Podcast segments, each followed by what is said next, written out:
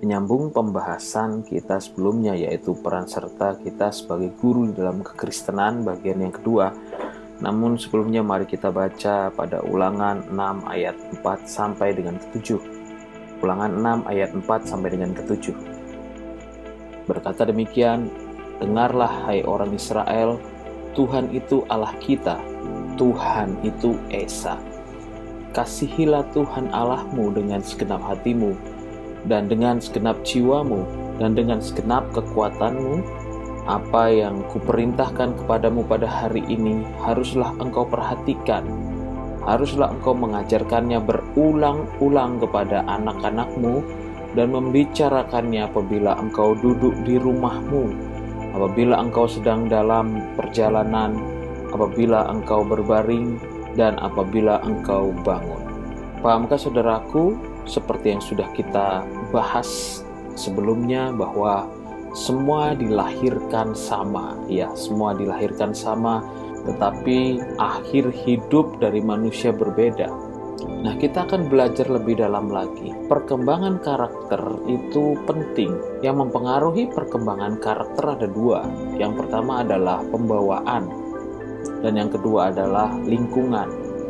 Pembawaan itu seperti genetika dan lingkungan itu mempengaruhi karakter itu bisa terbentuk. Mau tidak mau ada penurunan dari orang tua, baik DNA maupun sifat. Ya, yang pertama penurunan itu bersifat jasmania, kemudian sifat mentalnya, sifat temperamentalnya dan sifat rohaniahnya. Kalau kita berbicara lebih lagi tentang sifat jasmania, yaitu sifat yang menghasilkan keturunan yang mirip dengan orang tuanya. Dan kemudian kalau kita masuk ke dalam mental, keluarga Bach, seorang komposer yang kita kenal melahirkan di tujuh generasinya dengan 47 komposer. Jelas kita tahu bahwa ini berasal dari kepintaran orang tua. Jadi orang baik pasti melahirkan generasi yang baik.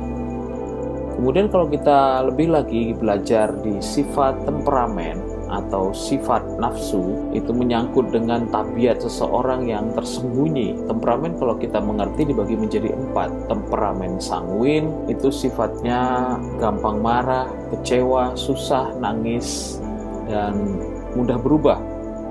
Kemudian kalau kita mempelajari sifat melankolik, ya semua itu dipikir bagi orang-orang yang memiliki sifat ini. Pesimis, negatif, dan mengasihani diri Kemudian kalau kita belajar juga di temperamen kolerik, mereka yang mempunyai temperamen kolerik itu memiliki overconfidence, selalu melihat ke depan dan tidak gampang untuk mengampuni itu yang negatifnya. Yang terakhir adalah temperamen pragmatik. Orang-orang yang memiliki temperamen seperti ini biasanya itu diam dalam menghadapi kesulitan dan biasa juga tenang. Mereka memiliki teori-teori yang bagus dan pintar. Namun semuanya memiliki ciri khas yang luar biasa ya. Tetapi tahukah Anda bahwa keempat tahap ini pasti ada di dalam fase tertentu di kehidupan manusia. Semua bergantung dalam pengalaman hidup manusia. Mana yang baik?